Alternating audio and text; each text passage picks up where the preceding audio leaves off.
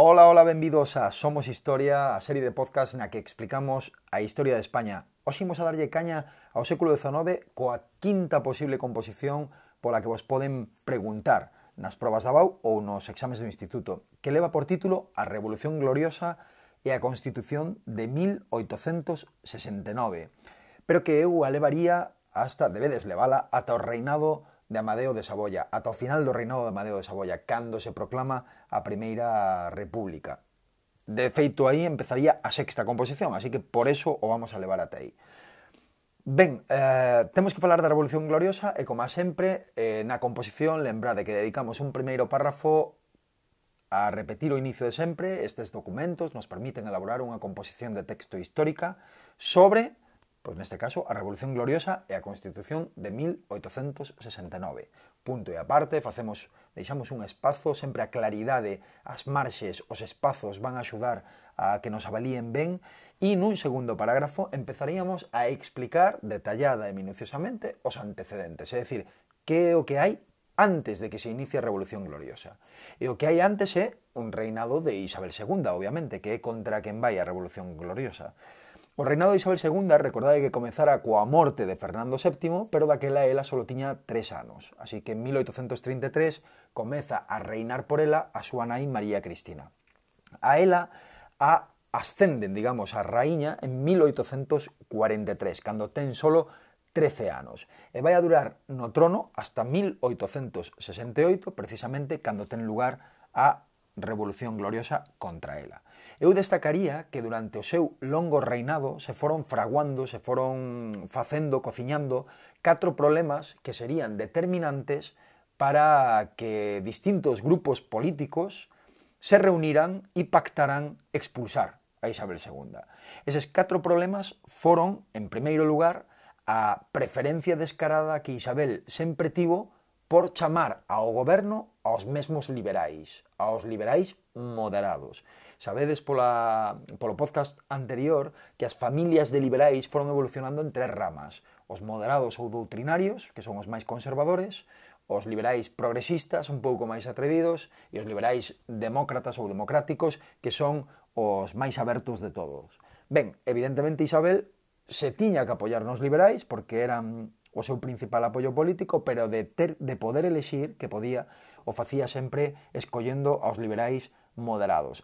Así que foron estes os que pasaron máis tempo no poder, máis tempo no goberno, e foi esta unha situación que molestaba, evidentemente, a todos os demais, que non tiñan ocasión, salvo que apretaran as tuercas a Isabel por medio dun pronunciamento ou algún tipo de rebelión, non tiñan ocasión de ser chamados para gobernar, para formar parte do goberno. Vale?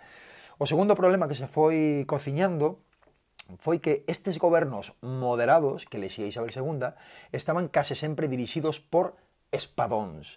Sabedes que este era o modo coloquial de chamar a todos eses militares como Espartero, Serrano, Narváez, O'Donnell, que eh, foron gañando prestixio a raíz das guerras, diferentes guerras que houbo ao longo do século XIX.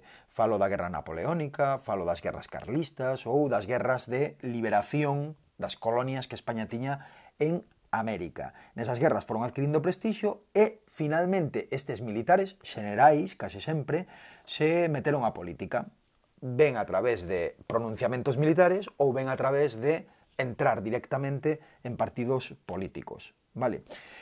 O terceiro problema que se foi fraguando durante o reinado de Isabel II, sobre todo cara ao final, foi que en algúns casos estes gobernos estaban dominados por prácticas de tipo dictatorial donde estes espadóns gobernaban de maneira un pouco tirana e case sempre intentando uh, gobernar para favorecer as oligarquías, as, as élites económicas as que tiñan máis poder naquel momento.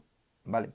E o cuarto e último problema son, xa o sabedes, os moitos escándalos que uh, a desordeada vida persoal da raíña eh, pois eh, eran, digamos, os moitos escándalos que eran que continuamente que eran a comidilla da sociedade daquela época. Recordade que a raíña foi obrigada a casarse con un primo carnal, Francisco de Asís y Borbón, Paquita, como era chamado daquela, dicen algúns, eh, e tivo 11 fillos, pero non, non con el, ni siquiera co mesmo pai. Dous se calcula que foron do mesmo pai, tuvo unha vida extramatrimonial bastante escandalosa, como digo, e bastante desordeada. E incluso hubo un papa que chegou a decir que uh, era puta pero piadosa, o sea que, bueno, que, que, que, que, o rumor, polo menos, de que desa vida desordeada chegou a todas as esquinas. Lembrade tamén aquela publicación de acuarelas anónima ou baixo, baixo pseudónimo, pero detrás da cal estaban os irmáns Becker, parece ser,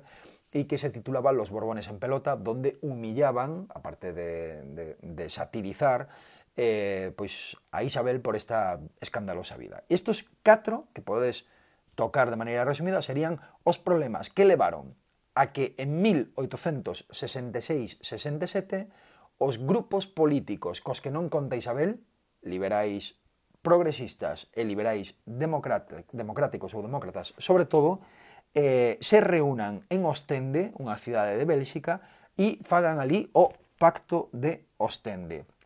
Onde, a, digamos que o lema é abajo los Borbones, eh, España con honra. É dicir, queren recuperar a honra para España e consideran que Isabel é un obstáculo para recuperala. Así que o propósito é expulsar aos Borbóns, en primeiro lugar, e, en segundo lugar, comenzar unha reforma do sistema político para que pase a ser non liberal moderado, senón liberal democrático e contente así as necesidades de máis cantidade de poboación española, contente as necesidades, digamos, das clases medias, vale?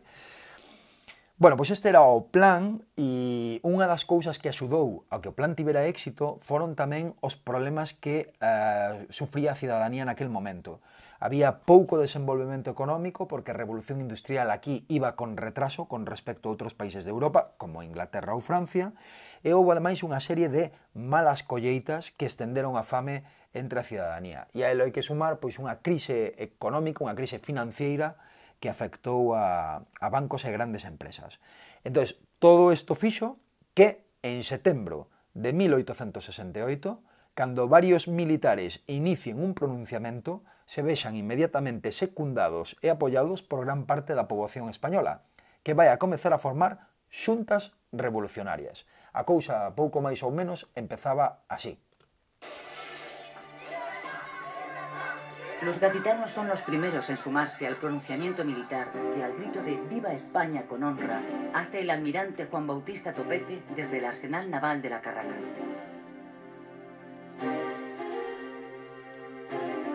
Es el 18 de septiembre de 1868. Este mismo día, el general Prim, líder del Partido Progresista, se embarca en Gibraltar con destino a Cádiz, acompañado por dos políticos de la nueva generación de su partido. Manuel Ruiz Zorrilla y Práxides Mateo Sagaste.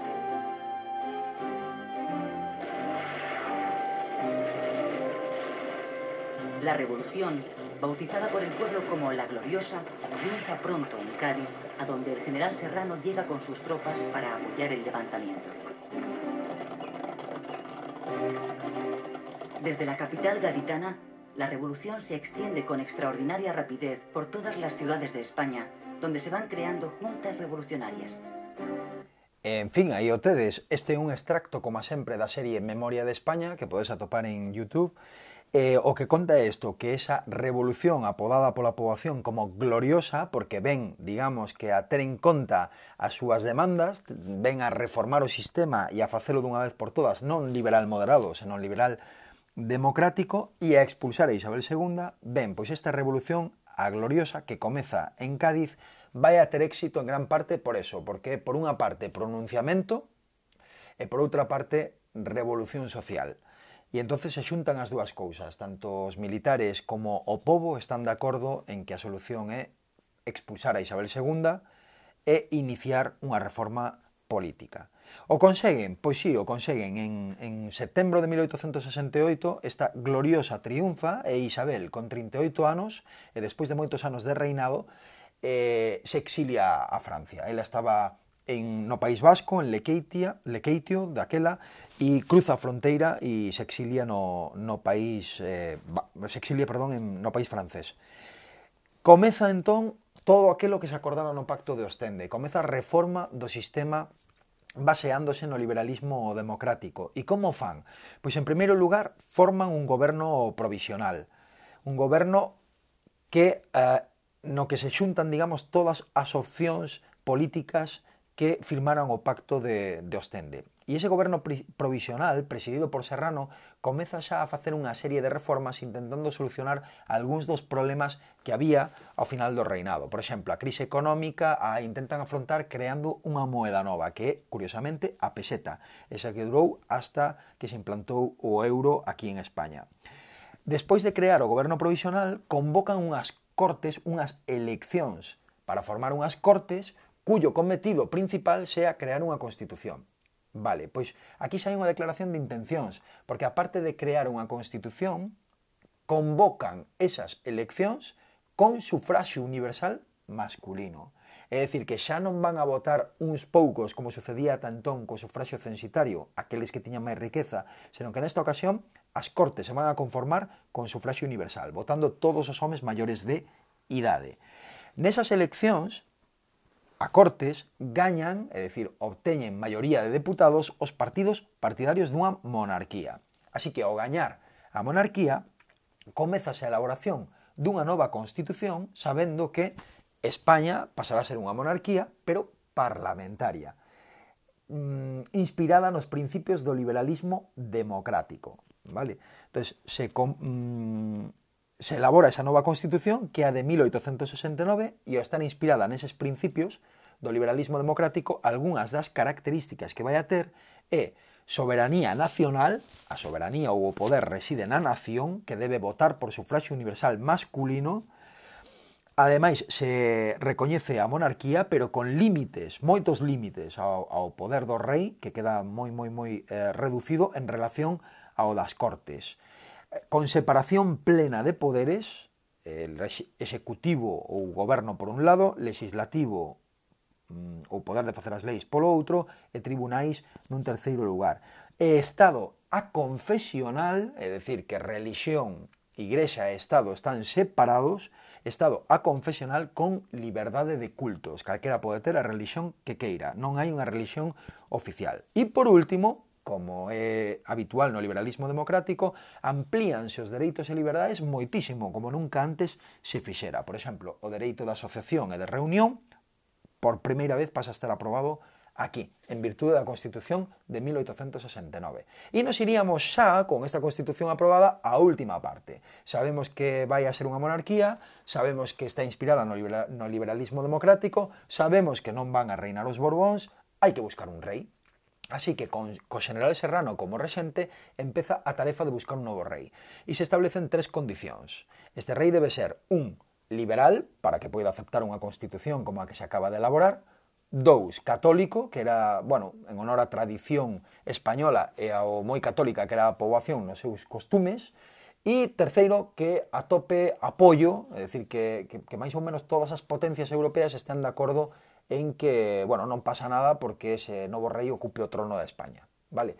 Entón, o elexido é, sobre todo pola, por, por, mm, seguindo unha proposta do general Prim, o elexido é o eh, fillo de Víctor Manuel II, que daquela era rei en, en Italia, Amadeo de Saboya eh, este eh, fora un, un, digamos que era un herdeiro, un fillo educado no respeto pola Constitución, porque ali xa a tiñan, polo tanto consideraban pois que non iba a haber ningún problema con el, que iba a saber respetar esa Constitución que se acababa de elaborar, era católico, viña de Italia, sabedes que ali tamén un país moi católico, e polo tanto lle pareceu unha elección moi afortunada se vota nas Cortes, a ver se si efectivamente a maioría está de acordo con esa proposta de PRIN, e por 191 votos contra 153, o sea que non foi unha maioría aplastante tampouco, pero sae como primeira opción efectivamente Amadeo de Saboya, que parte de Italia e xura aquí a Constitución de 1869 un 2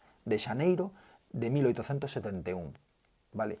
Cando chega, eso sí, coñece a triste noticia de que seu principal valedor o general Prim acaba de ser asasinado. Así que, sin o seu principal valedor, empeza o reinado de Amadeo de Saboya, que en moi pouco tempo vai a darse conta de que este país é absolutamente ingobernable. E por qué? Que, a que problema se vai a enfrontar? Pois a varios. O primeiro, a falta de colaboración. Por qué? Porque o povo o odiaba eh, máis que o odiaba, o sentía como alguén alleo, como alguén extraño. Non, eh, Amadeo non falaba español cando chega, e lle poñen apodos como Don Macarrone, por exemplo, no? Eh, o sea que non o queren por italiano. A Igrexa non o quere pois porque este home está probando a liberdade de cultos, como establecía a, a Constitución e a Igrexa non quería perder nin un ápice da súa influencia, quería seguir sendo a religión oficial do Estado. Os nobres a aristocracia española tampouco vai a aceptar, porque lles parece un intruso. E os eh, monárquicos se dividían en carlistas e alfonsinos, sobre todo, pero ninguén quería a alguén da Casa Saboya. E, por suposto, os republicanos non queren saber nada de monarquía. Así que non atopa colaboración. Pero, ademais, os gobernos o, os gober o, o goberno que hai cando está el non está continuamente nun bloqueo parlamentario como hoxe son eh, os membros de Unión Liberal, os membros do Partido Progresista e os membros do Partido eh, Liberal Demócrata e non chegan a acordos. De feito, hai tres eleccións en dous anos, polo cal o país é ingobernable nese momento. Unha situación similar moito a que estamos vivindo desde hai un tempo aquí en España. E ademais xorden varias guerras. A Terceira Guerra Carlista está tendo lugar neste momento e a sublevación en Cuba, que é unha colonia que todavía mantén España en América, pero que se quere independizar. Así que, con toda esta situación, Amadeo preséntase en Cortes e presenta a súa dimisión e devolve unha coroa que recibiu con moito respeto e sentíndose moi honrado, como di el, na súa proclama diante das Cortes, pero a devolve porque se dá conta de que o principal enemigo de España non está no estranxeiro e non se pode loitar contra el. O principal enemigo de España, dice el, está en España. Bueno, son os españoles, evidentemente. Ata aquí a composición número 5. Espero que fora do vos agrado, que vos axude e lembrade que este podcast coincide bastante, bueno, nun 90, 95%, 100% casi, co que se pode decir se vos caera esta composición. Chao, chao, vémonos na próxima. Ánimo.